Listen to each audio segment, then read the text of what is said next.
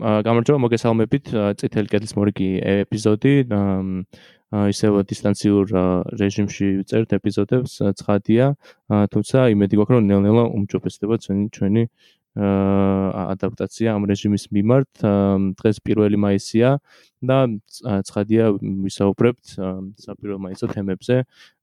წელს უცნაურ ვითარებაში დგება 1 მაისი თვითიზოლაციის პირობებში, საგანგებოვით მდგომარეობის პირობებში, კრიზისულ პირობებში და ალბათ ბევრს ფიქრობთ ყველანი თავშოთ ფორმით შეიძლება როგორ შეიძლება ამ დღეს გატარება ესეთ პირობებში.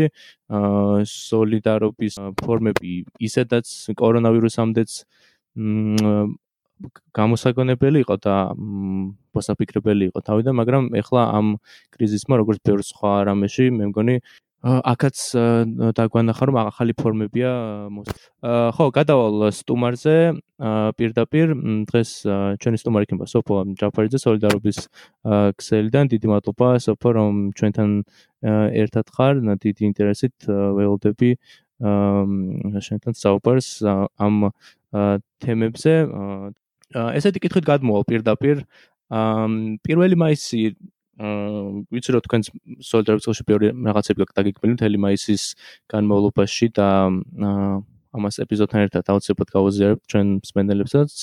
აა მაინტერესებს ხო როგორ როგორ როგორ გავატაროთ პირველი მაისი ამ პირობებში. აა როგორი არის ყველაზე შესაბამისი აღნიშნვა, ან საერთოდ არის თუ არ აღსანიშნი ეს თარიღი, პირველმა ეს თავისი რაღაც გრძელი და მრავალმხრივი ისტორია აქვს, ხო? აქვს ერთი მხრივ სპონტანურობის ისტორია, როცა რაღაც მშრომელები სპონტანურად ესე იწყებოდა, ხო? რაღაც სპონტანური გლობალური სოლიდარობის ფორმა, თუმცა მეორე მხრივ აქვს ისტორია ფორმალიზების, კოოპტაციის, უკვე მე-20 საუკუნეში რიტუალიზების, მცდელობების სხვადასხვა სახელმწიფოების მხრიდან, რომ ეს თარიღი რაღაცნაირად მიეთვისებინათ, გაენეიტრალებინათ, რაღაც ნეიტრალიზაცია გაეკეთებინათ და დღეს პირველ მოიც ხვდებით ამ თელი ამ წინააღმდეგობრივი და რაღაცა მრავალხრივი ისტორიის ჭრილში, ხო? აი როგორი არის ამ ამ ამის გათვალისწინებით, თავშეთ სოფშენი აზრით, აი 1 მაისის როგორ უნდა გავატაროთ აი ამის გათვალისწინებით. გამარჯობათ, მოგესალმებით ყველას. დღეს გილოცავთ 1 მაისს. ა მნიშვნელოვანია რომ გავითვალისწინოთ ჩვენი კონტექსტი, ანუ ვინც დაუშვათ არის ახლა ამერიკაში, დღეს არის თაკები დიდი გაფიცვები. და მე რო ვიყო და ახლა ამერიკაში იქ იქნებოდი აქტიური ჩართული და დავეხმარე გაფიცვა, გაფიცვებს რომ დამასტებული იყოს. რადგან არ საქართველოსში აქ უფრო დასუსტებული არის და ეხლა და ეხლა იღვიძებს ასე ვთქვათ თვითონ მუშათა კლასი აქ ვიტყოდი რომ ჩვენი 1 მაისი სახში თუ ვართ ბევრი ვიკითხოთ წავიკითხოთ გავიმზადოთ როცა პანდემია მორჩება რომ უკეთ გავაკეთოთ ჩვენი საქმე ჩვენ ახლა როგორც ოქსელი თლად მისი ფუნება არ გვაქვს რომ სახში მხოლოდ ვიჭერთ და ვიკითხოთ, ანუ სულ წერს ხალხი და გვირეკავს შრომელები.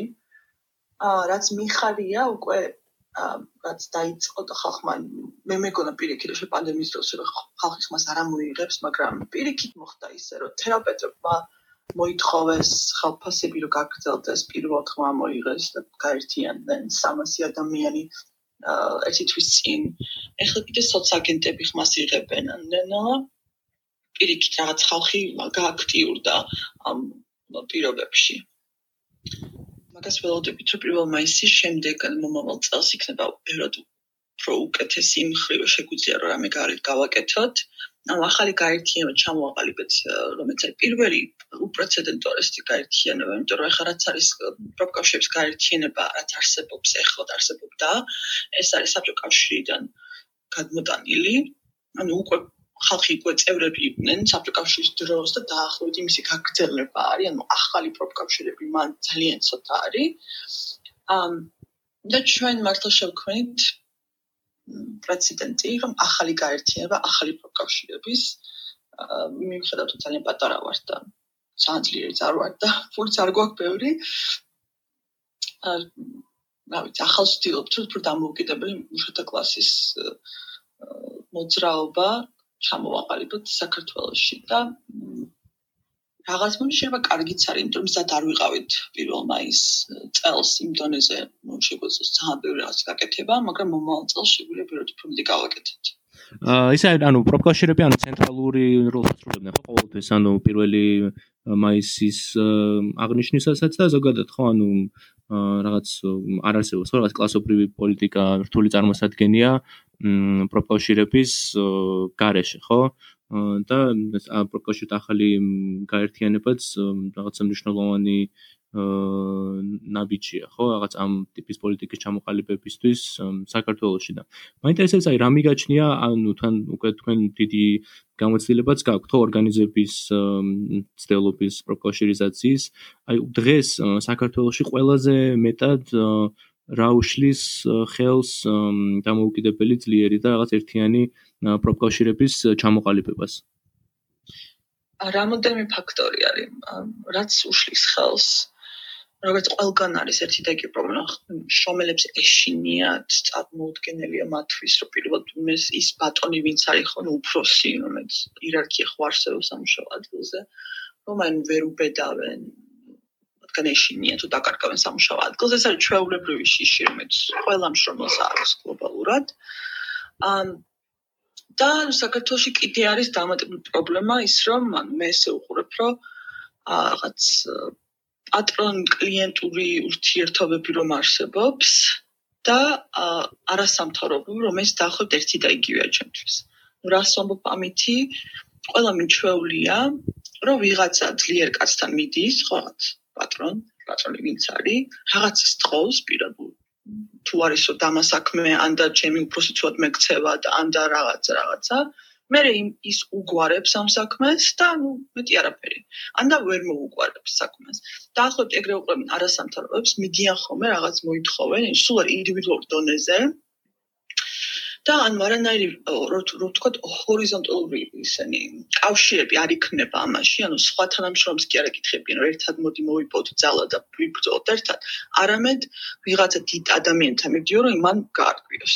ეს არის ერთი არის თუ ყველაზე მარტივი გამოსავალი ყოველთვის არის რომ ვიღაცა ძლიერი ადამიანია და იმ უკან მოაგვარებს ან და ჰაჰა ის თუ არ ყავს პატრონი უპატრონო თუ ხარ მიდიხარ არასამთავრობოში და ეს არის ესეთი მენტალიტეტი ეს სნობიერება ძალიან ხელს უშლის იმას რომ ჯერ ჯეროდეთ ამ ხალხს რომ ერთად შეუძოთ ამის გაკეთება ანუ ეს პროკავშირი არის გაერთიანება ხომ შრომელების გაერთიანება ანუ უნდა ერთად იმუშაონ და დაგეგმონ რაღაცა აქტივობა, ხო? თუ გაიფიცებიან, თუ აქციას გააკეთებენ, თუ რაღაცას.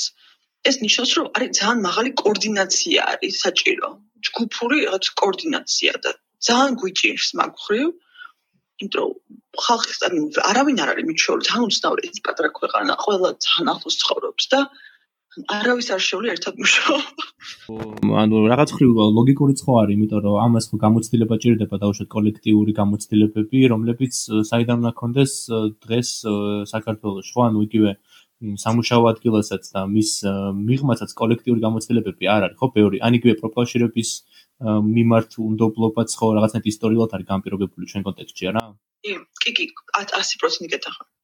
ზუსტად არ არის გამოცდილება. ანუ იმიტომ რომ ხა იგვიწევს მუშათა კლასი, არ არის გამოცდილება, რაც გამოცდილება არსებობს, რაც არის დანერგილი, ეს რაც პატრონზე და არასამთავრობო მორგებული და მანამდეც კიდე იყო რაღაც დირექტორი და რაღაც გეგმა და კოლექტიური არის რა არასოდეს არს 100 100 წელი დაახლოებით არ არის კოლექტიური მუშაობა მაგდონალდს.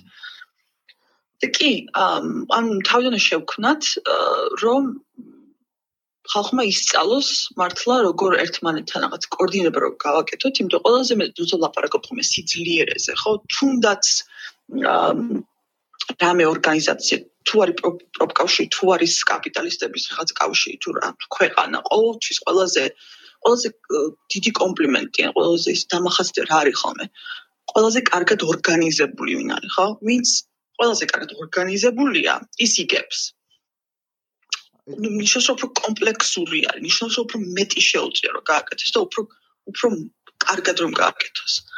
და აქ გვაქვს ძალიან ბაზისური ორგანიზაცია ჩვენიც ხო ანუ ესეც პრობლემურია იმიტომ რომ ყოველთვის ქონდა მეც მოვდივარ რა აქიდან ესე ვთქვათ ესეც სოციალისტური სკოლიდან რომელიც ძალიან დემოკრატია ყოველთვის ამ პრიორიტეტი იყო რომ ყველაფერი იყოს დემოკრატიული და შიდა დემოკრატია მნიშვნელოვანია თვითონ პროფკავშირებში ეს იყო პირველი ჩვენ თქვა რომ შელახვა დიდ პროკავშირთანაც მე მქონდა, იმიტომ რომ მე ვეუბნები რომ უფრო დემოკრატიული იყო და იმათ აშკარად არ ჯეროდათ ეგეთი. უშუალოდ ან უშუალოდ პროკავშირი შიდა ორგანიზების კუთხე. კი, შიდა ორგანიზაციაში თვითონ არ იყო ყველა გადაწყვეტილება ხდებოდა სუზემო და არავის არაფერს არ ეკითხებოდნენ. ამ და ამის ამ კულტურაში მე შემოგვეწა, იმიტომ რომ დავიწყეთ ექსორ ექსელი რომ უფრო დემოკრატიული იქნებოდა. ასე შემდეგ, მაგრამ რაც რასაც შევაწყეთ, ისიც არის, რომ დემოკრატია არ არის ბუნებრივი ბუნებრივი რაღაცა ნიჭი, ნუ ისალო რა დემოკრატია. და ხალხი ყოველთვის არ არის მზად ხოლმე და არ უნდათ და რაღაცა გონიეთ რომ რო ეკითხები პირიქით, აქეთ რო თხოვ, რო ანუ ჩაერთო და ის რაღაც. რას ფიქრობ ჩვენ უშე გავაკეთე? გონი თუ შენ არა კომპეტენტური ხარ, რო არატო მეკითხები მე. მომეც რაღაც სასაცილოა, მაგრამ თან სამწუხაროა. ამ სისუსტე ითვლება ბევრი რამე, რაც პირიქით არ არის სისუსტე, სიძლიერე არის. ანუ ესეც არის რომ რა ფორმით უნდა შემოიტანო შიდა დემოკრატია, რადგან ფიქრობ რომ გრადობა არის ზუსტად დემოკრატია შემოიტანს, იმიტომ რომ ის რომ მე რო აღარ ვიყო ან ვიღაცა რაღაც რამოდენიმე ლიდერი რომ აღარ ვარსებობდეთ, კიდე შეეძლოს პროფკავშირის გაგრძელება. და თუ არ არის შიდა ჩართულობა და დემოკრატია ძლიერი, ამ დაიშლება მთლიანად. მაგის გამო ზუსტად ვცდილობთ რომ უფრო გრადი და მედგარი მგონი სიტყვა resilient რო იყოს კი კი მედგარია მე მედგარი რომ იყოს ჩვენი ორგანიზაცია, მაგრამ აი არ მოგატყუებთ, არ მიყვარს ხოლმე ყველა რაღაც ამბობს, რომ ყველაფერს ის ნაკეთებს ყაპრულია და მაგარია და აი ძალიან რთული არის მართლა რამის გაკეთება. აქ მიუხედავად რომ აა კარგია რაღაც ჯიუტი ვარ მეც და მეგონი ჩემი ხალხი რაღაც ჯიუტი ხალხი ვარ და მიუხედავად რაღაც დროც იყო რომ ვერაფერს ვერ ხედავდით. რა ჰორიზონტზე რამე შეიცვლება და რამე ხალხი გამოვიდოდა ხმას ამოიღებდა. აი მართლა ძალიან ოთხოთ მშრალი იყო ყველაფერი.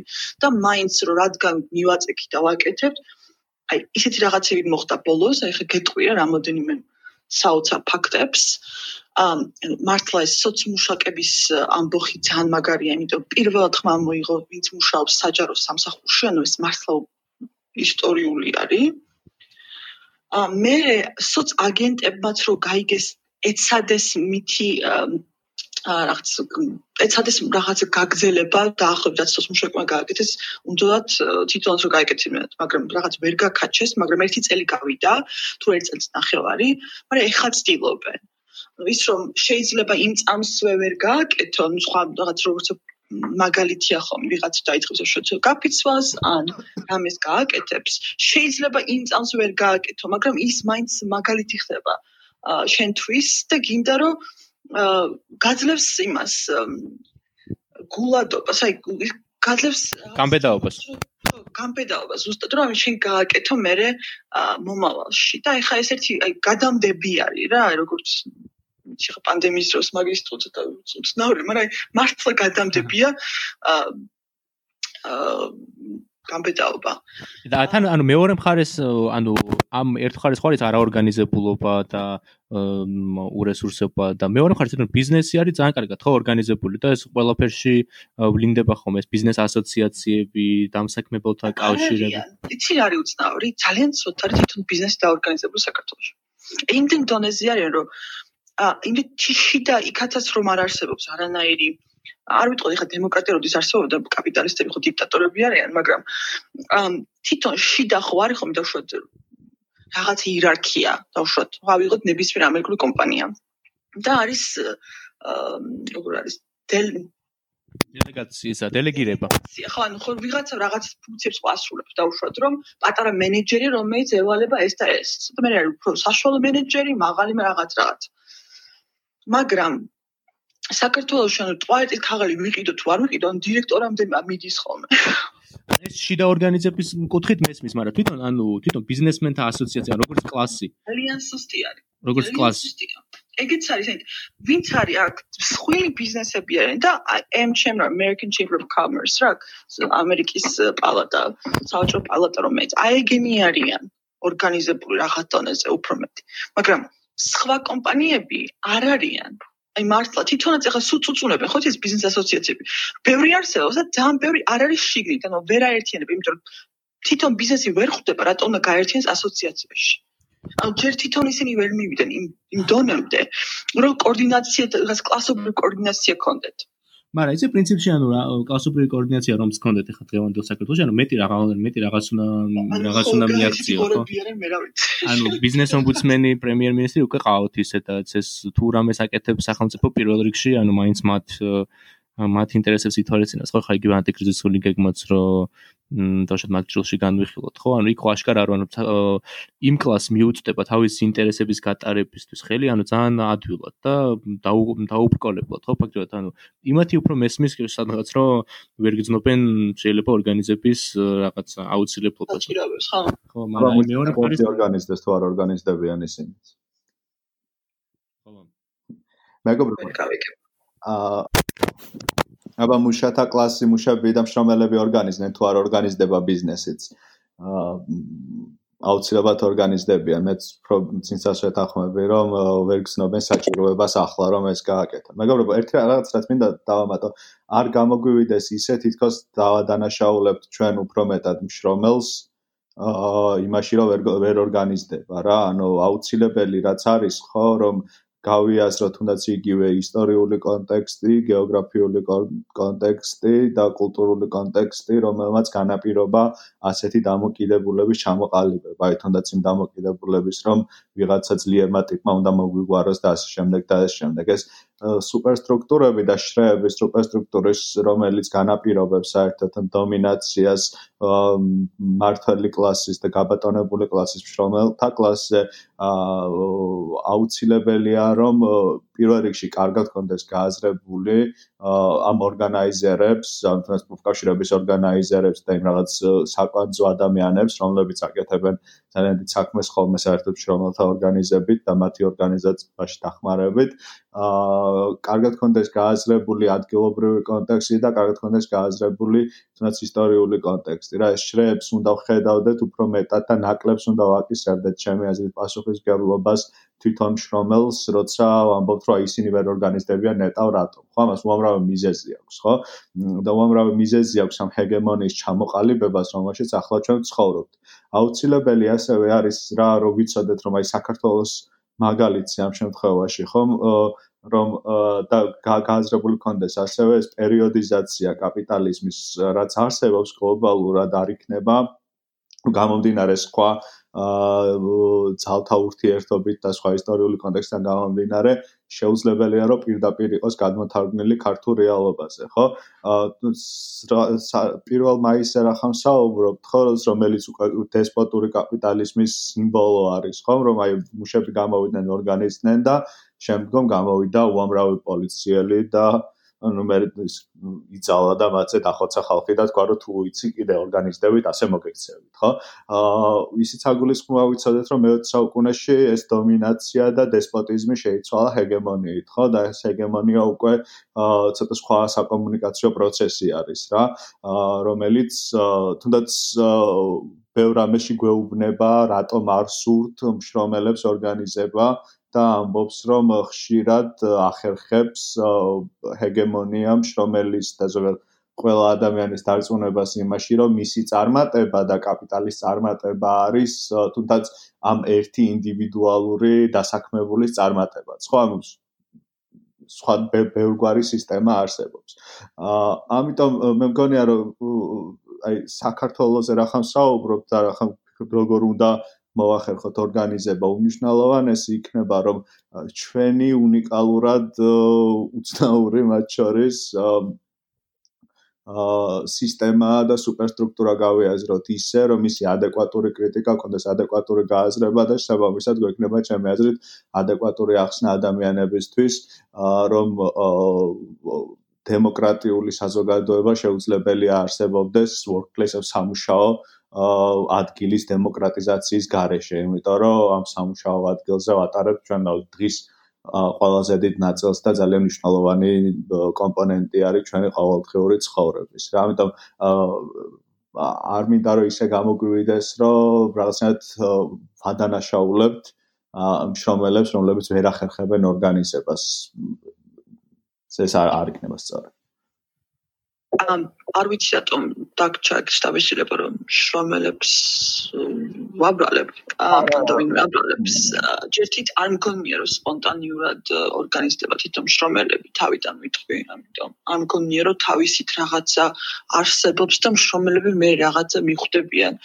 უმეტეს ნაწილად არ არის ხოლმე ეგრე პირიქით ვიღაცა უნდა ჩაერიოს, ანუ ამიტომ ჩვენ ვარსებობთ და ამიტომ მან ზამდენი ხანი აქვს 5 წელიწადი ცხოვრება მე არ მაქვს იმისთვის რომ ყოველ დღე სადოთ რომ ჩვენ დავეხმაროთ, რომ გავამზადოთ, მივცეთ ყველანაირი ცოდნა თუ შეგვიძლია რაღაც რჩევები ასე შემდეგ რომ ერთად ორგანიზება სადოთ.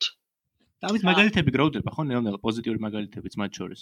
მაგას ვამბობ ზუსტად რომ კი, მაგას ვამბობდი რომ სოციმუშაკების ძალიან მაგარი იყო ის მომენტები მეთქი რომ თავიდან რომ აა არ გვეგონა იყო მომენტები რომ მე არაფერი არ ჩანდა და მე რადგან ჩვენ მივაწექით მივაწექით მაინც და რაღაცა არ დავკარგეთ იმედი რომ მეც ვიტყვი რომ ყველა მემარცხენე მგონია რომ დაკარგა მაგის იმედი და ძალიან ისეთი პესიმისტური განწყობა აქვს თქო ყოველთვის ჩვენ არ ქონდა ეგ და აი მაგალითები რომ დავიწყე სოციმუშაკების არის საოცარი მაგალითი. თერაპევტებიც ეხაც ეგეც არის მერის პროგრამა არის. კიდე საოცარი იმიტომ რომ თვითონ საჯარო სივრცეებში არ ხდებოდა პროფკავშირები რადგან ყოველთვის პოლიტიკურად ითვლებოდა. ხმას არ იღებდნენ ხალხი. მაშინ რომ საქვეყნებში აი მაგალითად მასწავლებლების პროფკავშირები ძალიან ისეთი ძლიერი და ხმამაღალი ორგანიზაციებია ხო დაუშვათ. აა იცი რა ესეთ უნდა იყოს მაგრამ მე რაც ვიცი არ არის მხოლოდ ეგრე ან დიდად არ მაგიხარ შეხება, მაგრამ რაღაცა მე მგონი ზოგ ადგილებში უფრო ძლიერია, ზოგჯერ ზოგ ადგილებში არ არის რა, არ ვიცი. როგორც ჩანს, რაღაც პრობლემები აქვს. შეიძლება თავიდან უფრო მეტი ის კონდოთ ამბიციები და უფრო მეტი შეძლეს, მაგრამ არ ვიცი, კრიტიკაც ბევრი გამიგია და არ მინდა ხარო მოვთხრა ეგ ხალხი, ამიტომ არაფერს არ ვიტყვი, მაგრამ რაღაცა არ მგონია თუ ძალიანაც კარგია. მაგრამ ვიტყვი რომ მართლა ძალიან ცოტა პროკავში არსებობს ჩვენიც, რომ ვთქვათ, რომელიც იმ დონეზე ძლიერია, რომ რამე შეუძლია, რომ რომ დიქტატ აქეთ დიქტატები რომ მიცეს იმას, სხვას რა, რომ აი ესე კარგეთ ესე მინდა და ესე მინდა. აა კიდე არის ძალიან მაგარი მაგალითი, რომ ფრონტერას მშრომელები რომელიც იყვნენ, ფრონტერას ერთი კომპანია, ამერიკული კომპანია. კი, ამაზე კითხვა მინდოდა ცალკე დამესო, მათ შორის შენ სტატიაზეც ფრონტერას შესახებ რაღაც ისეთი ამბავია, რომ მარტო შემოვლეთა ბევრი კუთხით შეიძლება ამაზე ლაპარაკი არა? თან კი, კი. თან მონიკო სახელმწიფო. ხო, ეხა ეხა მოხდა ეს ვერდიქტი. ეს ეს უპრეცედენტო არის, მართლა საოცრება. ხო, აი კი გითხრა ორი სიტყვით, ამ მსმენელებსაც უთხრა და ხო რა რა რა რა кейსია და რანაირ კომპანიასთან გვაქვს სტატიაში კარგად აღწერ ამ კომპანიას და აი რანაირ კომპანიასთან გვაქვს საქმე ამ ფრონტერის შემთხვევაში და რაზე იყო დავა. აი ესე იგი ამ შემთხვევით მე გავიგე, ერთ ერთი გოგო შემხვდა და მითხრა რა რაღაც პროფკავშირო გაიგო, мама ჩემიო, დიდი ხანი გაფიცული არის თუ გარეთ განალ რაღაც ვერ გავიგე ბოლოს თავიდან როგორ იყო, თეთრფრის წყარო არის პატარა სოფელი. და იქ არის ნავთობის მოპოვება უკვე რომელიც მე არც ვიცოდი მართლა გამიკვირდა თავიდან თუ ხან ის ნავთობი ჩვენ არ ჩვენ გვაქვს ხო იცი რაღაც პრო აზერბაიჯანში არის მაგრამ კაი და ამ ჩავედი იქ დაახლოებით იყო 100-მდე შრომელი, რომელიც ითხოვდა ხელფას და აღმოჩნდა, რომ უკვე 2 წელიწადი არ იღებდნენ ხელფას, ანუ როგორც სამი თვე არ აიღებდნენ ერთხელ ერთი თვის აიღებდნენ, ასე შემდეგ ალაგალა იყო მათი ხელფასების აღება. ამ მაგრამ რადგან ჯეროდათ რომ ეს კომპანია რაღაცა ჩადოსნური იყო, იმიტომ რომ ამერიკული კომპანია იყო და ეს უფროსი ღმერთისავით ყავდათ რომ ძალიან ძალიან შეძლებული ადამიანი, რომ კონგრესმენებთან აქ სენატორებთან კავშირები და ძალიან ძლიერი ჩანდა რა. და ერთმა შრომაობით რაღაც უფრო მაღალ რანგირებაზე იყო ეს კაცი რომ აი ხიზილალაო მარტო ორჯერ მაგ ნაჭამია რომ ერთი იყო საბჭო კავშირში და ერთი იყო ტეხაშიო რომ კლუბებში დავდიოდითო ამ ესთან რა ფრონტერას იმასთან დირექტორებთან ძალიან ძლიერი კომპანია იყო. ნუ ძლიერი შეიძლება არ იყო კომპანია, მაგრამ ძლიერი იყო ის ხალხი, ვინც ამის უკან იყო და მე აღმოჩნდა რომ ვის ვინც იყო თავიდან ვინც შექმნა ეგრო ბილ კლინტონის დროს იყო ერთ-ერთი მინისტრი, რომ ვთქვათ მინისტრისავით, რომელიც აქ იყო ჩართული და თუმე არქიტექტორი ყოფილა იმ მისი ნავთობის ის რო გადის რა ჩვენ იმაზე. ბაკო ჯეიჰანის ისა? ხო. ხო. და რომ ანტირუსული ის ქონდა მათ იდეოლოგია ამ კაცს, მაგრამ თან თულს აკეთებდა ნუ პოს საბჭოთა ქვეყნებში რომ შევიდნენ ამერიკელები, არ ვიცი თქვენ კარგად თუ ის, მაგრამ ეს ანსაიტეროზო მომენტია. აა რომელსაც გამოიყენეს პოლიტიკოსებმა აა კლინტონის დროს, როცა დაინგრა საბჭოთა კავშირი, დაანგრიეს, ასე ვიტყვი. აა შემოვიდნენ და რაც შეიძლება, ანუ ბიზნეს ინტერესების კუთხით ჩაერთვენ ან და თვითონ იყვნენ დაიწყეს კომპანიები ან და წილში შევიდნენ ან რაღაც ეგეთები იყო რა დაახლოებით და ძალიან ბევრი ფული მოიპარეს. ეხლა რო იყო ჰანტერ ბაიდენის რო არის თუ ნახეთ ეს დემოკრატიული პარტიის კანდიდატ კანდიდატი რომ არის ბაიდენი მაგის შულზე რო იყო. და ეს ანუ ეს ჯან შოლობი რამეა რომ ეს ყველა ეს ისენი რა ქვია დემოკრატების რესპუბლიკების ჩართულები არიან პოსტსაბჭოთა ქვეყნებში, ან პოსტკომუნისტურ ქვეყნებში და დიდი წილები აქვს რა, ანუ ესე ჭამენ ჩვენი მეებს რესურსებს. ხო და აქაც ესე იყო გაკეთებული. ამ შემთხვევაში და ბუნდოვანი რა რესურსებს ჭამენ, იმიტომ რომ ანუ მეს ნავთობი. ხო და ეგ არის საინტერესო ახლა გეტყვი. ანუ თავიდან ის იყო რომ აზერბაიჯანშიც იყო ეს კომპანია, ანუ რეალურად აზერბაიჯანიდან მოქონდა ეს ისა ნავთობი. მაგრამ მე ეზერბაიჯანის თავრობამ გააგდო ეს კომპანია და მარტო დარჩა საქართველოში. რა გაეკეთებინა? ფული აღარ აქვს რაღაც არც არაფერი არ დიდი აქვს. და სტოკ მარკეტზე ის აქციები გაყიდა, გახდა საჯარო და აქციები გაყიდა და უცებ ესე ფული რაღაც შეაგრო, რაღაც შეაგრო მაგის გამო არ მახსოვს თვითონ ეს მაშინ მო სტივ ნიკანდროსი იყო თუ ვაით არ მახსოვს რომელი იყო.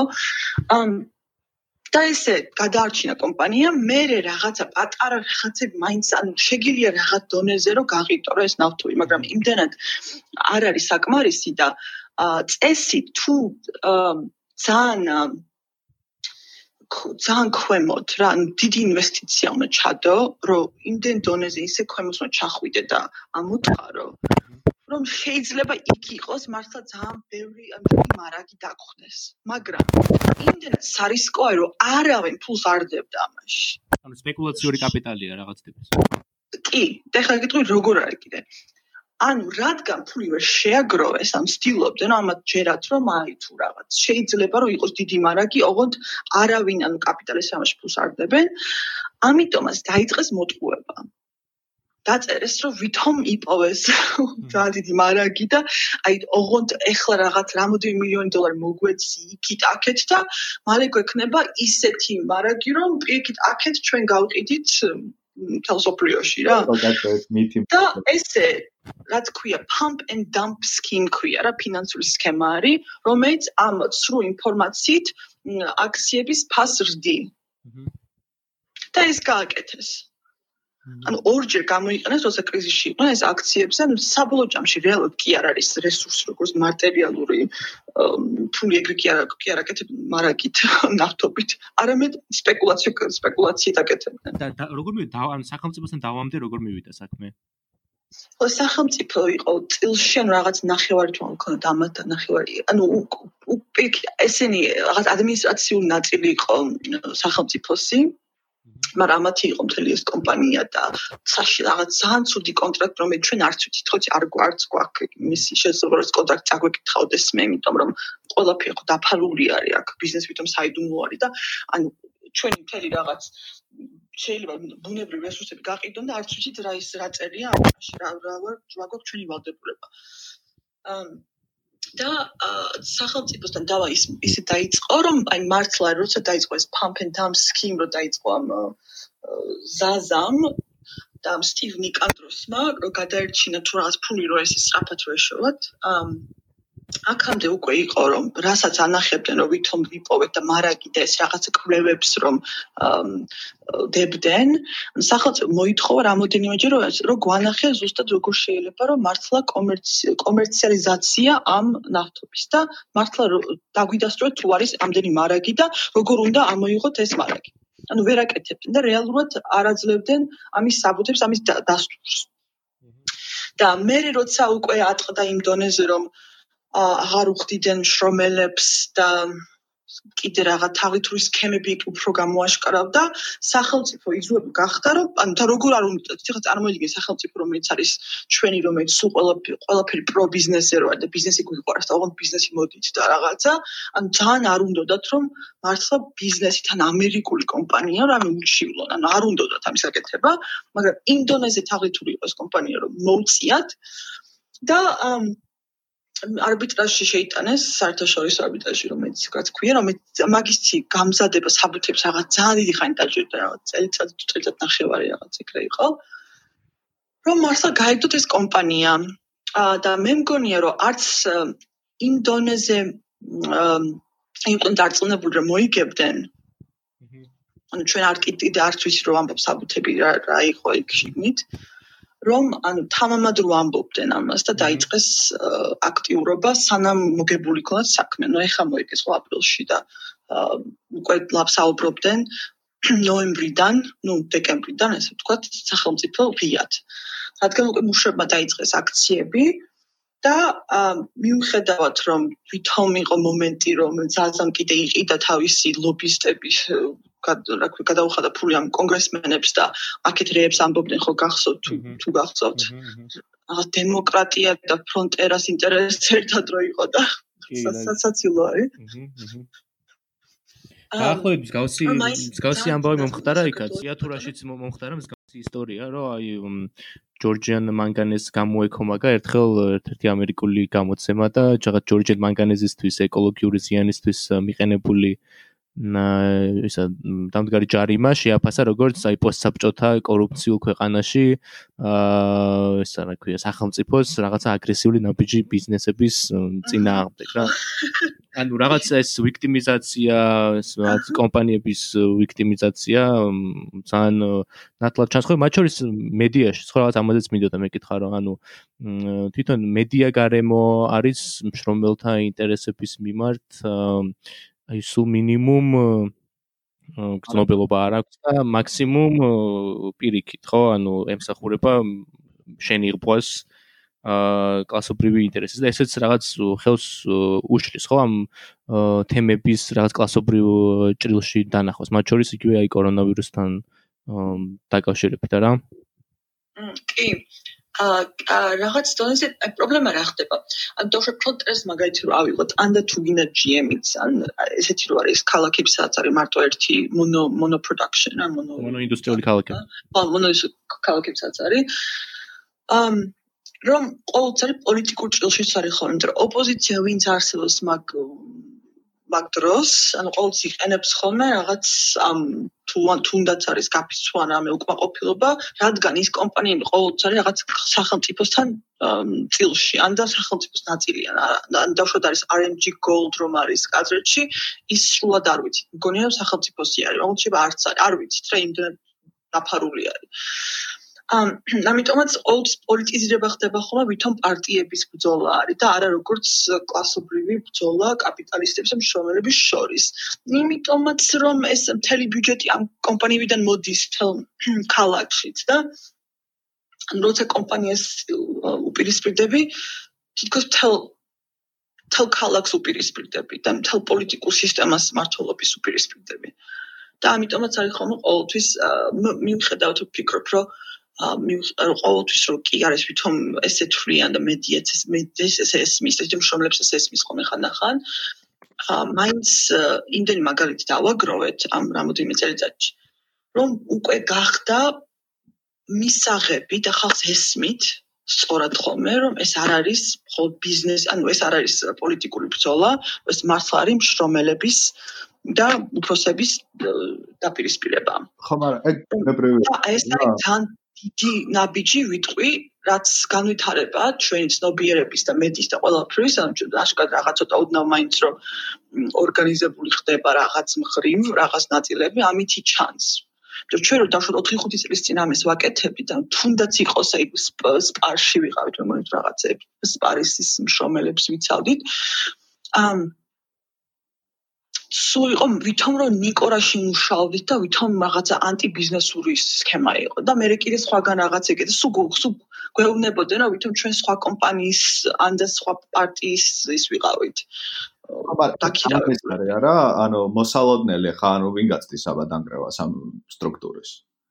ანუ კარგად არ მესმის მაგათია ცოტა მოსალოდნელია მოსალოდნელიც არისო ხო ეს არ მოსალოდნელი არის არა? ანუ ვინ გვაცდის აბა ამ ყველაფრის დანგრევის ხო არ გვიყურებენ როგორ მას მათ ძალაუფლებას როგორ ვანგრევთ და ვასუსტებთ? კი ანუ მოსალოდნელია რომ იმ ხრივ ამბობ რომ როგორ თვითონ აზროვნებენ თუ ვერ გავიგე რა არის მასალა არა ეს კამპანიები იქნება ხო დაუშვოთ იქ ხო ანუ რასა ვიცით ანუ ეს ანუ ის რომ წინააღმდეგობას წავაწყდებით როცა ვთქვით რომ ეს გარემო შევცვალოთ ხო? და რომ ეს წინააღმდეგობა არ იქნება მარტივი დასაძლევი ეგ ძალიან მოსალოდნელი და ძალიან ბუნებრივია ხო არც მედია იქნება მშრომელის მხარეს არც პოლიტიკოსი იქნება რეალურად შრომელის მხარეს და ნუ არავინ არ იქნება რეალურად შრომელის მხარეს, ხო? შრომელის მხარეს ისევ იქნება მისი შრომელთა გაერთიანება და შრომელი ორგანიზაცია. აა ძალიან ბუნებრივი არის ჩემი აზრით, არა? აა უბრალოდ უნდა გქონდეს მე მგონი რაღაც ტაქტიკები, რომლითაც ჩვენ უფრო მოქნილები ვიქნებით, ვიდრე ისინი ამ შემთხვევაში. თორემ აა ორ ორ მას ვახსენებ ციგნს ერთ-ერთი სახელით. სხვა სხვა დროს სანსეტროს ერთ ეგრე სახელი აქვს. Manufacturing consent ქართულად როგორ თარგმნა აა თანხმობის წარმოება გამომუშავება manufactura ხო პირველი ნუ ჩომსკის უნდა გავიხსენოთ რომელიც ამ მედია ნარატივის შექმნას ეძახის ზუსტად ამას, ხო, რომ თანხმობის გამომუშავებას, ასე ვთქვათ, რომლითაც ბოლოს ვაღიარებთ, რომ აი, ხო, არა, კი, რას წაკეთებს კაპიტალიზმი, ესე იგი, ახლა ასე საჭირო არის, ხო? აა და მეორე არის მაიკ ბურავე, რომელიც უკვე workplace-ზე, თვითონ სამუშაო ადგილზე როგორ გამოიმუშავებს კომპანია ამ თანხმობას, ამას განმარტავს, ხო? იმიტომ რომ უნდა გავითვალისწინოთ, რომ ჰეგემონიის ორი ყველაზე მნიშვნელოვანი განხორციელება მისი, ვთქვათ, მისი დომინაციის იქნება ყოველთვის ერთი სამუშაო ადგილი და სამუშაო ადგილზე შეეცდება თავის ჰეგემონიურობას ლეგიტიმაცია გამოუმუშაოს ამ თანხმობით და მეორე ეს იქნება რა თქმა უნდა მედია. ანუ შეეცდება რომ ასე ვთქვათ ეს კულტურული თანხმობა შექმნა საზოგადოებაში რომ ეს არის რა თქმა უნდა საღიაცი. ხა რასაც უყურებთ დანარჩენი ხო, აი თუნდაც RMG-ის შემთხვევაში ფრონტერას ქართული მედია როგორ ისრუტავს ამერიკულ ამერიკულ ლობისტურ კომპანიების ნარატივს და ასე შემდეგ. ეს არის უკვე ძალიან ისეთი აა მე მგონი აა usual ძალიან მოსალოდნელი რეაქცია მათგან. აა ერთი კითხვა რაც მექნება არის, აი ეს რეაქციები, ну ჩვენ ხომ გვესმის ხომ, ანუ ჩვენ ხო ვიცით და თეორიულად ისინი რას მოიმოქმედებენ, როცა ორგანიზებაში ორგანიზებას დავიწყებთ ან ორგანიზებაში დავეხმარებით შრომელებს რა. მაგრამ აი საქართველოსში ცი რას ვარ ხედავ ხოლმე, რა არის ჩვენი პასუხი შემდგომში ამ ყველაფერზე, ხო? ანუ მაგათაც ორგანიზება ერთი ჩელენჯი და ერთი ეტაპი ბრძოლის არის რა თქმა უნდა უმნიშვნელოვანესი რომ მოვახდინოთ პირველადი ჯგუფის შეკრება. მაგრამ ამაზე პასუხიც ვიცით უკვე, ხო? ჩვენ კაპიტალიზმისგან ეს არის ნუ მისი ჰეგემონიის გატარება კულტურული ინდუსტრიით, ტელევიზიით, აა მედიით, პერსონებით, თუნდაც სამუშაო ადგილზე ცდელობა რომ როგორღაც ადამიანები დააკმაყოფილოს ისე რომ აა სწრაფად ჩაკლას ეს ორგანიზების მუხტი, ანუ ესეც ვისით მათი რეაქცია იქნება. ამის შემდეგ რა არის ხოლმე ჩვენი პასუხი? ამ პასუხში ზოგადად სუსტები ვართ ხოლმე, არა? ამ ძალიან კარგია რომ ახლა მაგაზე ისაუბრე, ოღონდ მნიშვნელოვანია ზუსტად ჩვენ პასუხისგებლობა რა არის და ჩვენ პასუხიც რა როგორ მოვიქცეთ. ა ვიტყოდი რომ as usual on ჩვეულებრივი manufacturing consent ან მე ცოტა არ ვეთანხმები მაგ იმას.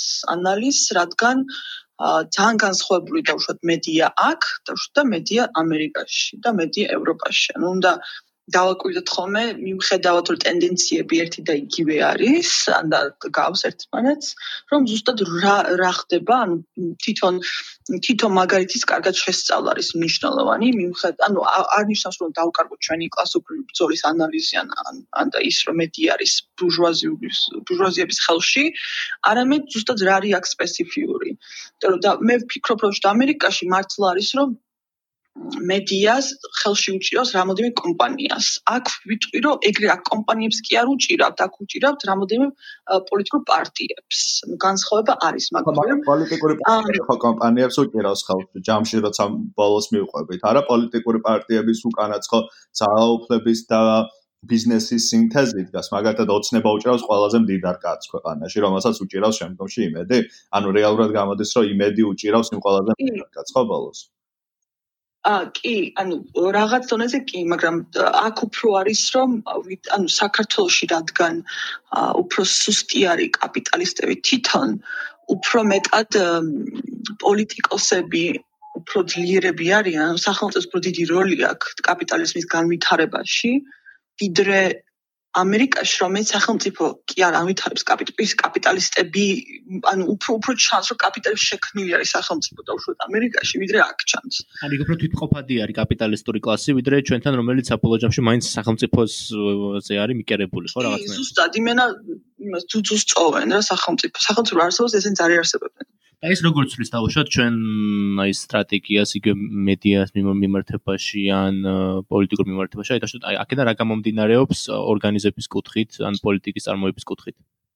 ა ძალიან კარგი ორივე კითხვა აი იცი რა არის რა რაც დავფიქრდი ბოლოს ვიტყვი ამას რომ მე ყოველთვის იმ ტრადიციით კიდე მოვდივარ რომ როგორც თქვი რომ აი ძალიან ვიყავი ყოველთვის რაღაცა რიგითი პროკავშირული მუშათა კლასის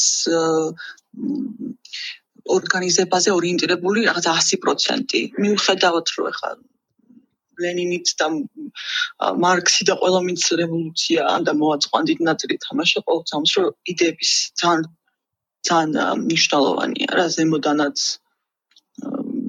ანუ ჰეგემონი რაც არსებობს იმისი კონტრა არგუმენტები და კონტრა ჰეგემონია.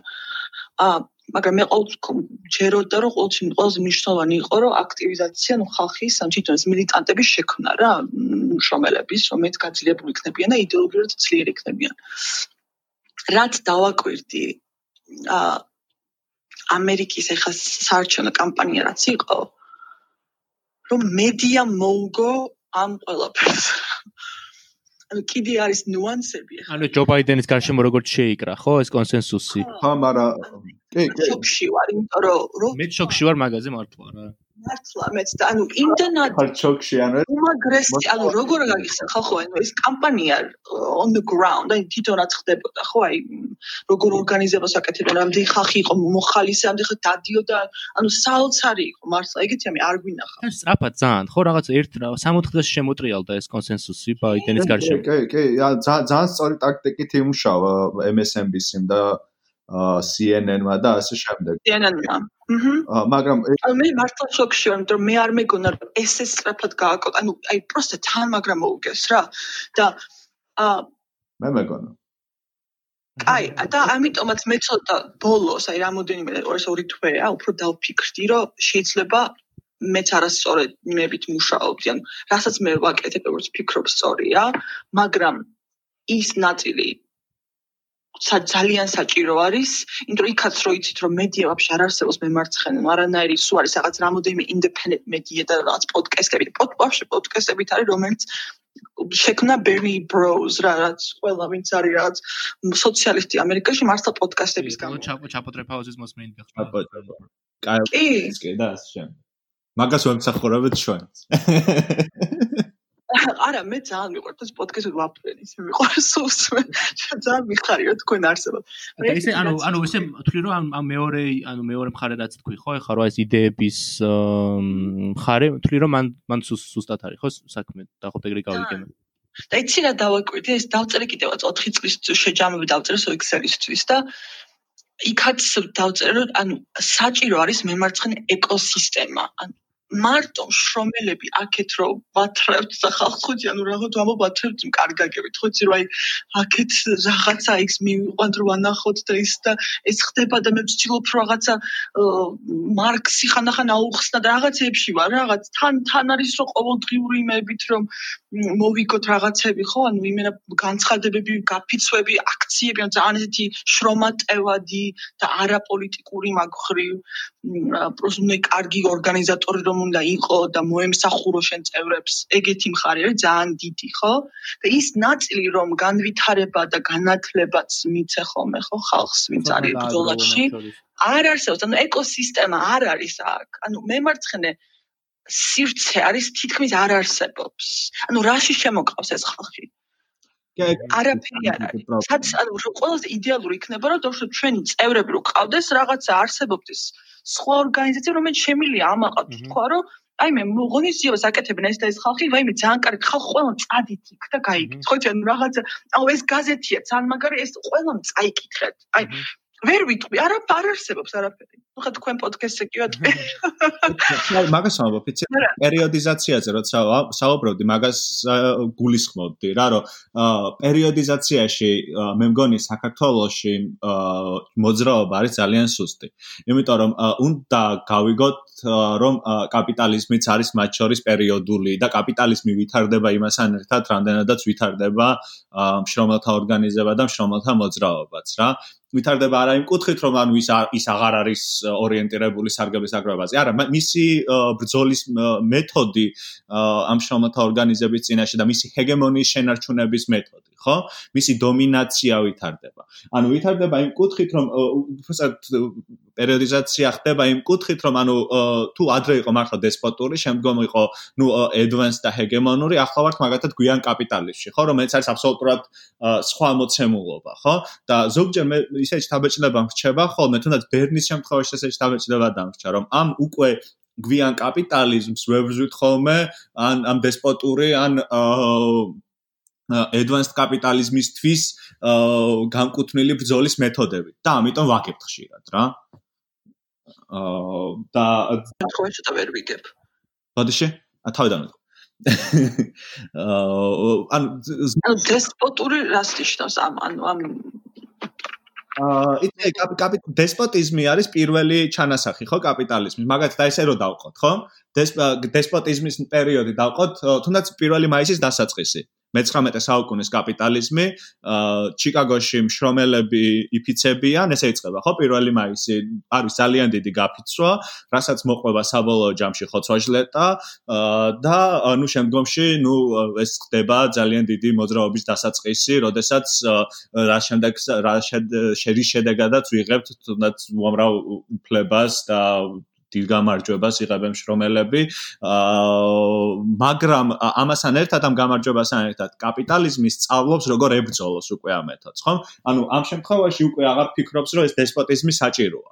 უბრალოდ ამ შემთხვევაში აღარ ფიქრობს, რომ დესპოტიზმი არის გზა. ამ ხო, ვთქვი, არ არ მგონია რომ ეგრე არის, იმიტომ რომ ეხაც ძალიან დესპოტურია დაუშვათ ამერიკაში. ანუ თუ გაფიცვარი თუ აქცია მოდიან იმენა პოლიცია ისე ქცემს და ისე წაგიყვან ციხეში რომ აქ რომ ამბობენ ხოლმე რაღაც ძირს რაღაც ეგ არის პირველი თუ ამერიკაში იმენა მეშინე პოლიციელს რო ხედავ მაკანკალებს ხოლმე. ეგ არის პირველი შრეა.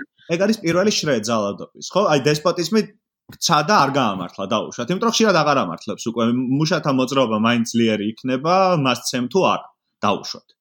მაინც მაინც გამოვა. დესპოტიმში უფრო უფრო ამართლებს ხოლმე მუშოთ. ანუ მე მგონი გააჩნია ხო ხან მე მგონი ხო ანუ ეს ეპოქალურად დაყოფაც ხა ძალიან უხეშად არ გამოვა ხო? იმიტომ რომ რაღაც ბრძოლაში ძალადობრივად ჩაერევიან რაღაც რაღაცაში ანუ მაგას მოხდეს პრინციპოვის რა. ანუ მე-19 საუკუნეში თუ ერთადერთი მეთოდი იყო რომ მოსულიყო და გადაეარა შენთვის ახლა სხვა მეთოდიც აქვს ხო ანუ ეს advanced capitalism-ში უკვე აქვს თუნდაც იგივე ამ consent-ის გამომშავების უნარი, ხო? თვითონ workplace-ზე შემოდის, რასაც ამერიკაზე კარგი მაგალითი ხო? რასაც გრამში ამბობს ამერიკის შემთხვევაში ჰეგემონია რომ ჰეგემონია იბადება საწარმოში ხო? ამერიკაში ფორდიზმის კრიტიკის როდესაც ამბობს რა? რომ უკვე საწარმოში არსებობს თუნდაც internal labor market-ი internal სისტემა წახალისების და ასე შემდეგ ხო? მე ჩვენ საუბრობდით მანამდე როგორ აკეთებს კომპანია KPI ეს key performance indicator. ერთ-ერთი ყველაზე მნიშვნელოვანი რაღაცა არის დღეს კაპიტალიზმი რითაც ინარჩუნებს ადამიანის ლოიალურობას და მის ჩართულობას კაპიტალში. ხო რომ ცდილობს რომ კაპიტალის წარმატება უკვე მოარგოს უკვე მოარგოს უკვე შეფუთოს ადამიანის გონებაში ისე რომ კაპიტალის წარმატება და მისი წარმატება მისი ოჯახის წარმატება ერთ და იგივეა. ანუ თუ კაპიტალიზმი იქნება წარმატებული ის იქნება წარმატებული რაც გამოიხატება იმაში რომ ცოტათი მეტი ფული ექნება ხო ანუ შემდგომში ნუ ესეთი ესეთი მექანიზმებიც აქვს რა და ამის შემდეგ ნუ კიდევ ახლა ვარ საერთოდ გვიან კაპიტალიზმში როცა აბსოლუტურად ყველა სფერო არის უკვე კომოდიფიცირებული, ადამიანები მართლა გადაიქცნენ კონტენტა და ეს კონტენტი შემდგომში იყიდება, ამაზე ვიღაცები მდიდრდებიან და უამრავ ფულს აკეთებენ და ამ შემდეგ, ხო? ამიტომ ერთად რაც ვამბობ, რომ ხომ არ გვემართება ისე, რომ თუნდაც რაც ბერნის დაემართა, ახლა კაპიტალიზმი სადაც ახლა არის და როგორი მეთოდებითაც შეუძლია რო გვებრძოლოს ჩვენ ზოგჯერ გვეპარება ხოლმე ეს მეთოდები და ხშირად ვართ ხოლმე უფრო ასე ვთქვათ ძველი იარაღებით ისევ შეიარაღებული, როდესაც ძალიან მაღალ ტექნოლოგიურ მტერს ვერ კინებით რა და ეს ძალიან ისე წამგებიან პოზიციაში ხარ გვაყენებს ხოლმე ხშირად. ამ საინტერესო არის დათო მხოლოდ ვიტყოდი რაღაცებში გეთანხმები, დიდ ნაწილში გეთანხმები, მხოლოდ არ ამგონია რომ ჩვენ რაღაცა ძველი იარაღებით ვიბწვით, არ ამგონია რომ ისე შეიცვალა რომ უთო მეღარ მეღარ ხვდებით როგორ მოვიქცეთ.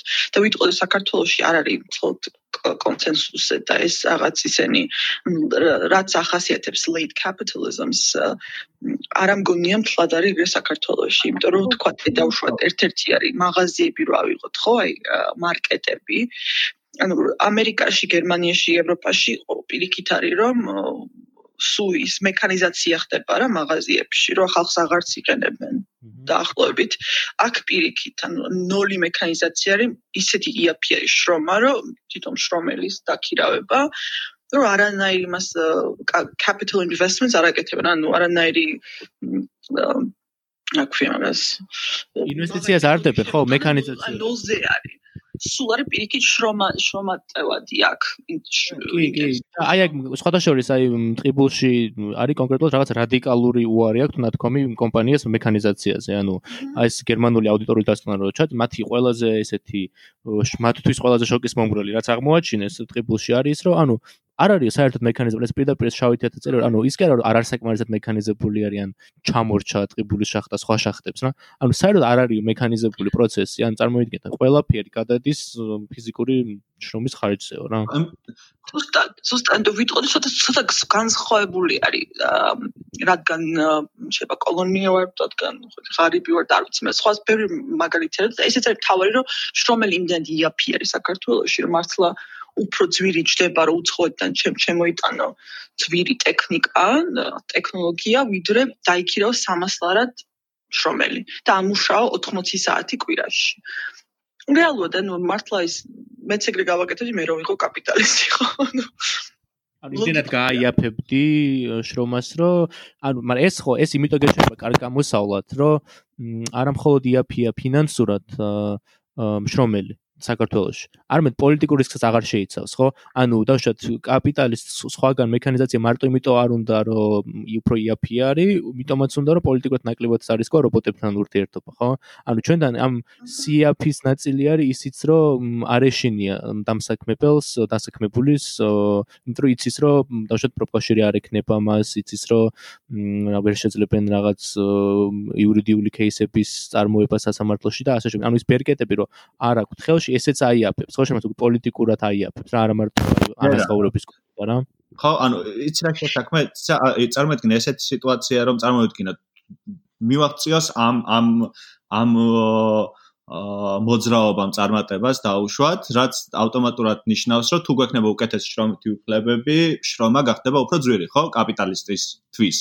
და მოუწევს რომ მეტი გადაუხადოს. მაშინ რა თქმა უნდა გახდება უკვე მექანიზაცია, მექანიზაცია იწყება და მექანიზაციის პრობლემას დაიწყება. ამიტომ რას ვამბობ, წეი, ცოტა შორს რომ გავიხედოთ, აა სად ხედავთ საბოლოო ჯამში, აი რა სტრატეგიას ხედავთ შრომელებისთვის საქართველოში, რომ აა იყოს არა რაღაც ისეთ short time remedy, არამედ ზოგადი აა გადაწყვეტა პრობლემის ზოგადი ისეთი ძლიერი ორგანიზაციის და ძლიერი შრომელთა კლასის ჩამოყალიბების საფუძველი რა. აა კი, ესე იგი კაპიტალიზმი საქართველოში ძალიან საინტერესო იყო. გირჩევთ რა დაგითხრი, როზა ლუქსემბურგის დაწერილი არის ინდუსტრიულ განვითარება პოლონეთში.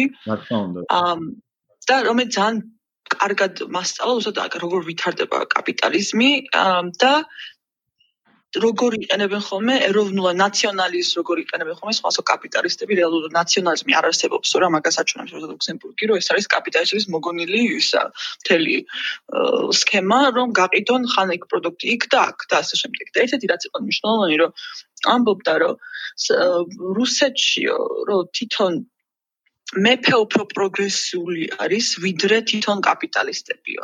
ანუ კაპიტალისტები არიან ღორები, სუბსიდირებაზე ჭამენ ფულს, არანაირი კონკურენცია ბაზარი და უფრო უკეთესი რო გახდნენ და განვითარდნენ, არანაირი ხრის არ აქვთო მოთხოვნა და აქეთ პირიქით მეფე აქეთ იყენებს პოლონურ პოლონელ კაპიტალისტებს რომ უფრო გახადონ, როგორ თქვა, ავანგარდი იყო კაპიტალისტების რუსული იმპერიის კაპიტალისტები იყვნენ, ანუ ავანგარდი კაპიტალისტები იყვნენ პოლონელები. აა და როცა ან საინტერესო იმხრივ იყო, მე ყოველთვის გონია რომ ესეთი ისაა, რომ კონკურენცია თვითონ უნდა თვითონ კაპიტალისტებს, თვითონ უნდა რომ განვითარდეს თვითონ ბიზნესი, მაგრამ რეალურად თუ იღებს მოგებას კმაყოფილი არის, არაფერს არ გააკეთებს, რომ უფრო მეტი მოითხოვოს ან გააკეთოს. ხო, გააკეთებს შემთხვევაში. რა, ეგეც კაპიტალიზმის ნატურა არის. თუ მე და მაგალითად ცინცა ვართ ორივე კაპიტალისტები ამოცემულობაში და ცინცა არაფერს არ აკეთებ, ცინცა კმაყოფილია იმით, რაც ახლა აქვს შემოსავალი, მე ჩემი კაპიტალისტური ნატურიდან გამომდინარე, უნდა დავინახო ამას შესაძლებლობა, რომ ცინცა საერთოდ გაუშვა ბაზრიდან და მე გავხდე უფრო ამბიციური და შესაბამისად ეს ადრე თუ გიან წარმოშობს ახალ ტიპს მაგალითად სხვა ვინმეს რომელიც გადაწყვეტს რომ ახლა მე ვარ უკვე მე ვერ ყვები კაპიტალის განვითარებას ფერს. ხო კაპიტალის ხო მომავალზე დაფუძნებული ეკონომიკაა ხო ყოველთვის უნდა იყოს. წინ უნდა წავიდეს წინ უნდა წავიდეს წინ უნდა წავიდეს. თუ წინ არ მიდის მაშინ ის კარგავს ყველაფერს აბსოლუტურად თავის ესენს კარგავს ხო? მე მომბობ რომ პირიქით თუ არ არის კონკურენცია თუ საკმარისი მოგება არის. არ აქვს არავის ინტერესი რომ წინ რამე წავიდეს. ან სტაგნაცია არის მისაღები. ეს არის რაც იმით არ უყვართ ხოლმე ზუსტ იმას IMF-ს და Social Bank-ს და ასე შემდეგ. ყოველთვის იმიტომაც ცდილობენ ხოლმე რეფორმი გააკეთონ რომ დააძალონ კაპიტალისტებს რომ რაღაც კონკურენციაში შევიდნენ რაღაც ცოტათი განვითარდნენ. ხო მონოპოლია მაგალითად კომფორტულია ხო აბსოლუტურად კონკურენციის გარეშე. აჰა კი. და ამიტომაც ჩვენ ზუსტად არ ვიცით როგორ განვითარდება რადგან თვითონ ოცნება, ამიტომაც სულ სულ რაღაც ოცნებას და ნუ მიშაც ხო რატო იყოს ბიზნეს ორიენტირებულები რო არიან. ცდილობენ რომ ბიზნეს რამე გააკეთებინონ, ნუ ვერ აკეთებს ბიზნესი რეალურად. აქ ძალიან რეგრესული არის კაპიტალისტები. ანუ გავიხსენოთ რომ მარქსი ამბობს რომ არა მხოლოდ ან ყველაზე რევოლუციონარი კლასი არ არის მუშათა კლასი ყოველთვის პირიქით თვითონ საშუალო კლასი არის ბურჟუაზი ხო კაპიტალისტები და პატარა ბურჟუაზი. ამიტომ აქ არ არის. მე ჩემი თეორია ამაზე არის აშენებული რომ საქართველოს მუშათა კლასი ყველაზე პროგრესული არის ანდა ნაწილი მაინც არის ამიტომაც ჩვენ გვიწევს ორი ორი რაღაცის გაკეთება. არა მარტო ვარ ჩვენ ოპოზიცია, ანუ ის ის ბალანსი ხო, ანუ ის ის ვით ვეტინამდეგებით უფროსებს, არამედ ჩვენ გვიწევს, რომ თან დავაორგანიზოთ სამუშაო. მაგალითად, მათ შორის ისე რომ აი კაპიტალის აკუმულაცი აკუმულაციას მოხერხდეს დაუშვოთ. ხო, ხელს უწყობთ რაღაცას. კი, ანუ ესეთი მიმაში ვართ, ხო, რაღაცა გამოწერილი რაღაც მომენტში. აი თვითონ იმდენ კაპიტალისტები არ არიან აქ შიდა გარედანაც და შიგნით ორგანიზებული. იმიტომაც ვერაფერს ვერ აკეთებენ რომ ყოველდღიურად უჭირთ თვითონ მუშებს მუშაობაც რაღაც ანუ არ არის კომფორტული სულ ძალადობაზე არის მართლა სულ არის ჯარიმები და ისა შიში. ანუ სხვა რაღაც სხვა ინსენტივს რაც არის ხო? არ არსებობს და არ არის თვითონ გაყოფებიან ყველა და ყველა ეგთან იღებს 500 ლარს ანუ თუ ვიღაცას რაღაცა ბიძაშვილია შეიძლება ის იღებს 800 ლარს. ანუ ეს არის დარეგულირებული უშუალოდ ხელფასებით. არ არის არაფერი იმაზე რომ მიმული რომ მე ვიმუშავე 5 წელი, ან თუ მე უფრო მეტი მეკუთვნის ვიდრე ვინც ეხლა ახლა დაიწყო მუშაობა. ან მე მაქვს ეს და ეს სერტიფიკატი, ამიტომაც მეკუთვნის უფრო მეტი. ხო, ანუ რაღაცა რანგირება რაც არის შიგნით რაღაც, ანუ არ არსებობს. აჰა. და ჩვენ გვიწევს როგორც პროფკავშირი, რომ ესეც გავაკეთოთ. აჰა. ესით ეს უნდა უკვე არსებობდეს ჩვენ უნდა გქონდეს უფრო სხვა მოთხოვნები ხო რაღაც ხელფასები გამიზარდეს გააკეთე მაგრამ არა აქეთ აქეთ ჩვენ ვალაგებთ როგორ უნდა იყოს შრომა და თვითონ ეს აწყობილი და შეიძლება პირველი არხი არ კიდე მაგალითი რომ უხსნით რომ არ შეიძლება რომ ყველა სხვა სხვა ხელფასი კონდეს იმიტომ რომ ვინ ვასიკოსთან ვინ არის ახლოს ხოჭრად ნუ ეს იმას კლავს სტიმულს და ხალხს აღარ უნდა მუშაობა და არიციან რა ელოდებათ ანუ ერთ პოზიციაში შეიძლება 30 წელი იყო მოკვდე ანუ არც იცი რა მოხდება რა. ანუ ეს ყველას ყველასთვის ცუდი არის ხო? ამიტომაც თან ცუდი მასში ვართ, იმიტომ რომ ორივე გვიწევს რა, ანუ არა მხოლოდ ოპოზიცია ვიყო და თან state buildings point, ანუ რაღაც თან სახელმწიფოც და ქვეყანას უნდა ავაშენოთ რაღაც დონეზე. თან უნდა თან ამას უნდა ვებრძოლოთ, რომ თლად არ გადაგვიარან. ამიტომ არ ვიცი, ანუ ძალიან ცეთი ხაზია, ერთხელად უნდა ვიყოთ ხოლმე, რომ არ გავხდეთ ჩვეულებრივი ელიტა, რომელიც გახდება რაღაც ვითომ პროგრესული ელიტა, რომელიც მე არ მჯერა, რომ ეგეთი არსებობს რეალურად.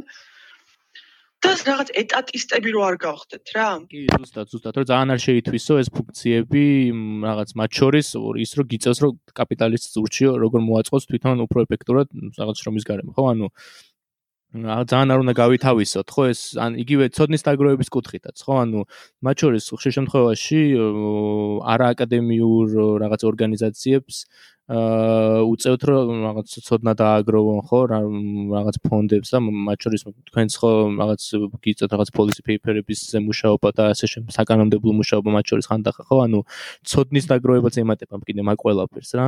და ანუ საბოლოო ჯამში ერთი მხრივ ხო არ უნდა გადაიქცე რაღაც ელიტურ რაღაც ინტელექტუალურ კლასად მეორე მხრივ არც ეტატისტად და ხარ ესე შუაში გაჭედილი ხო? რაღაც ჩიხში კი, კი და ვერ გეტყვი მარტივი პასუხი რომ ახაც როგორ ამას დავძლებ და გამარჯვებული დავრჩევით ვერ გეტყვი, იმიტომ რომ მართლა ყოველდღე არის ეს პრობლემა.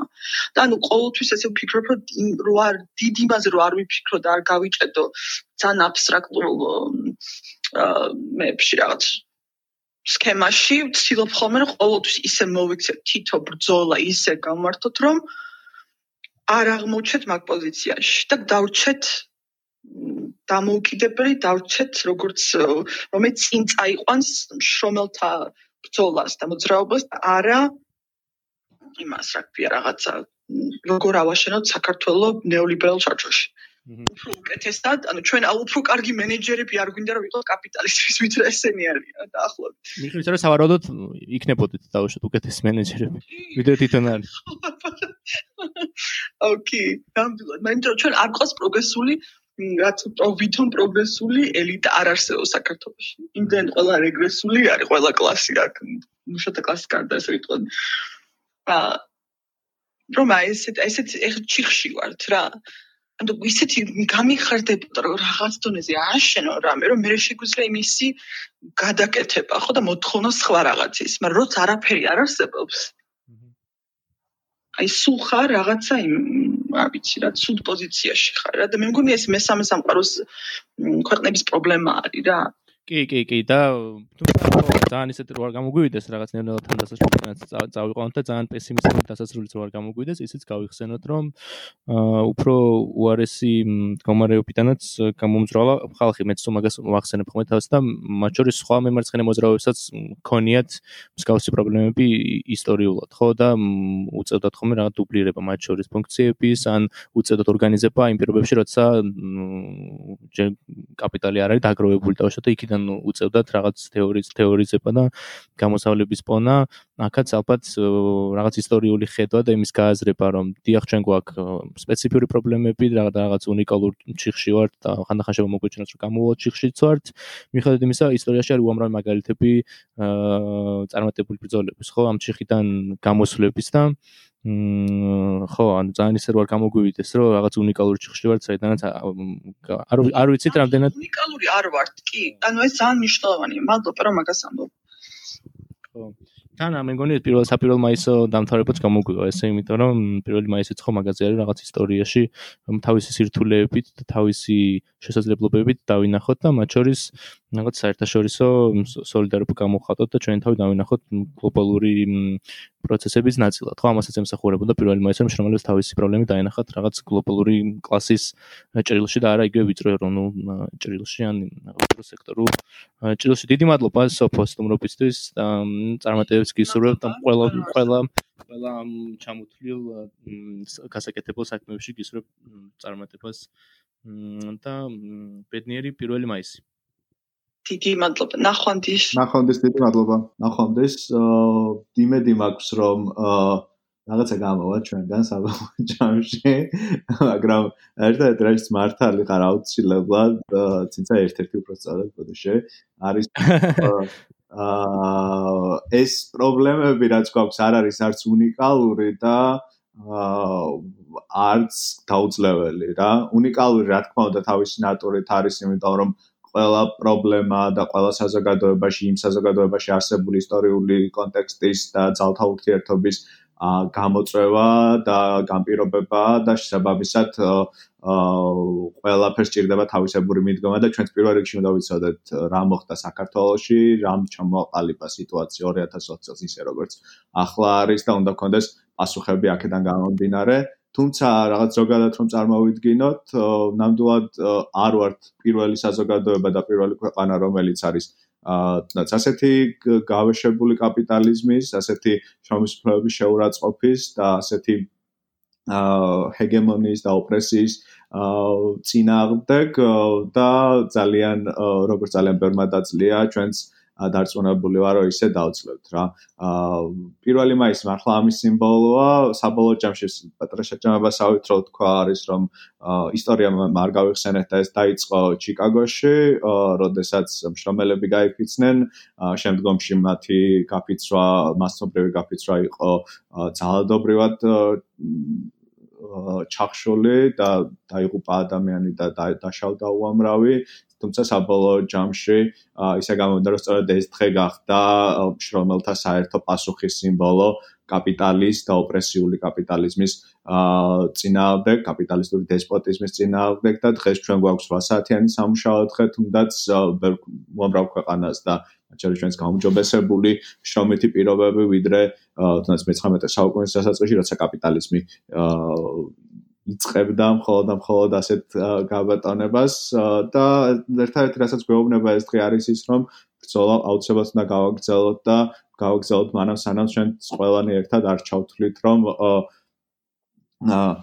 ახლა ჩვენ ცხოვრობთ ისეთ საზოგადოებაში რომელშიც გვინდა რომ ცხოვრობდეთ. ნახვამდის ნახვამდის